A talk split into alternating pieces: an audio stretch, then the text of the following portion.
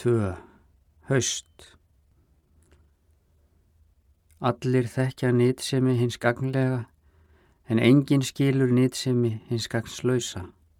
Kvangt sé.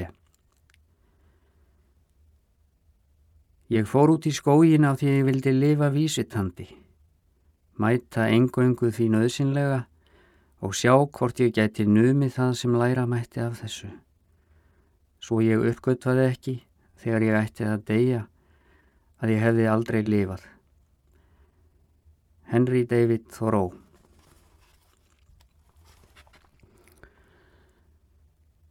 Lauf er tekið að falla af trjánum um allan skógin. Stígarnir eru þaktir gulum og rauðleitum löfblöðum. Þau líkjast helst bútum úr púsluspili sem einhver hefur held úr gríðarstórum kassa en síðan gefist upp á að raða saman. Nú orðið er ég nánast einni í hjólísabygðinni, að minnstakosti á virkum dögum. Um helgar koma enn nokkrir í hísin sín og dvelja dag eða hluta úr degi, gista stundum en eru oftast farnir að kvöldi. Eina fólki sem ég tala við er þegar ég fer mínar strjálu en reglulegu ferðir niður í þorpið til að sækja vistir og leysa át litasendingar á póstúrsinu. En ég hef ekki kynst neinum þar að ráði og tala yfirleitt bara um veðrið eða eitthvað sem skiptir engu máli. Það er reyndar orðið þannig með mig að flest skiptir engu máli. Ég hef ekki hitt skóarvörðin síðan í sumar og konuna sem var hjá honum ekki heldur. Ég er eiginlega hættur að hugsa um hana en það var hún líka miklu yngri en ég. Einu sinni sá ég þau fara saman á fjórhjólinu eftir moldarveginum Það var hún sem kerði og hann satt aftan á. Þau hlóu meðan hún óg skrikkjótt eftir veginum.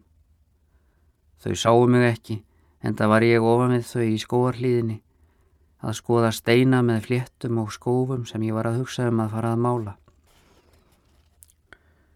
Ég hef ekkert verið í borginni frá því snemma í vor og sakna þess ekki. Borgin hefur aldrei verið fyrir mig og mér gekk alls ekki nógu vel að mála þar en svo vantaði einhvers konar tengingu. En nú er þessi tenging komin eftir langan tíma og ég ætla ekki að sleppa henni aftur. Ég ætla að gera hana að sítengingu. Að vera frjáls er meðal annars að vera laus við boðskort á opnun síninga. Ég fer út í vinnu hjólísið á hverju morgni og mála. Þar er oft mjög kallt í fyrstu og ég kveiki á steinóli í opninum en verð þá að gæta þess að opna út öru hverju. Annars fer mig að svima við trönurnar og ég verð óstyrkur með pensilinn. Grasið á flötinni er orðið gullt og þar leika sér engir með bolta lengur. Það eru aðeins bartrían sem breytast ekki við höstkomuna. Allt annað missir líf og lit verður nötturlegt. Þegar vinnudeginum líkur fer ég alltaf í göngu upp með bugðóttir í sandáni sömu leið eftir mjóum skóartróningunum, hvernig sem veðrið er og skoða allt það sem verður á vegi mínum. Bláklukkan er síðasta blómjúrtin sem fellur. Hún stendur löngu eftir að öll önnur blóm hafa lotið í gras, upplítast og vissnað. Hún vex á háum stilk, grönnum og sveigðum, viðkvæmnisleg með þessa fölbláu og drúpandi krónu sem minnir á lampaskjerm og er þó svona hargerð.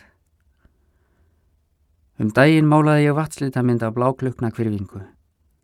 Þetta var að vísu ekki góð mynd og bætti engu við það sem fyrir var í náttúrunni. Ég reyf hana sundur og hendi henni.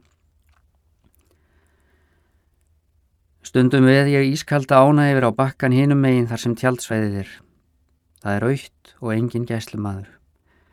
Littli kofin sem hann var í er með hlera fyrir glöggum og býður næsta vors.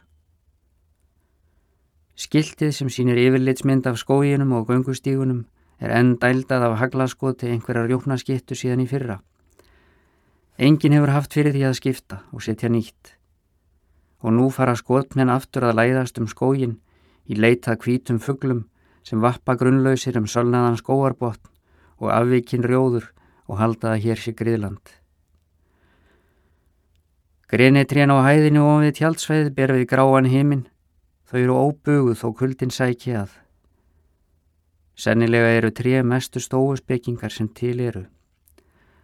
Lauftrén fella blöðin af rósemi, beigja sig undir lögmálin að hætti Markúsar Árelíusar, en taka aftur við sér þegar sól fyrir að hækka á lofti, einu sinni enn.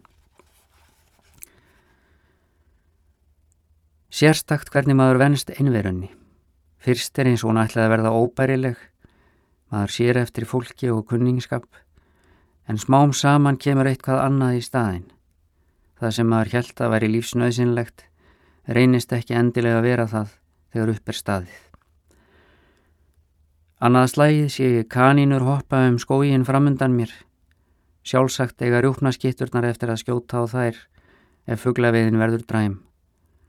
Ég hef borðað kanínu kjöt og það var mjög ljúfengt en ég hef ekki minnstu laungun til að drepa þessar smávöksnu skeppnur sem lifa af eigin ramleik hér í skóginum, dugmiklar og einbeittar í leitsinni að gildum lífsins.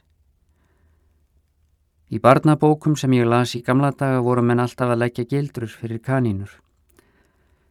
Þá öfundaði ég mennina af þeirri yðju því veiði hvort barna getur verið sterk. Nú hef ég engan áhuga fyrir því að leggja gildrur. En það er ég búin að fá alveg nóg af gildrum sem lagðar eru fyrir sjálfan mig af eigin huga.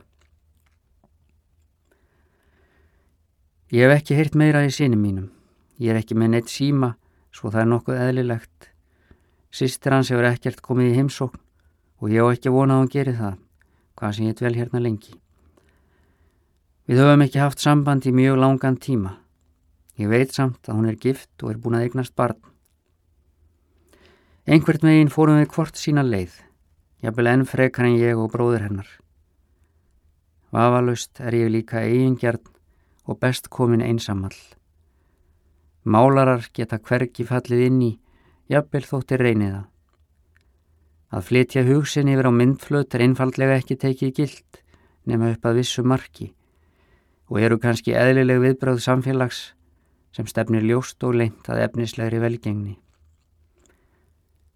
Ekki svo langt hér upp frá, nær eldfjallinu er ströymþungt jökulfljótið beislaði í þáu þessa samfélags, vatsflömnum breytt í raforku og fjármunni.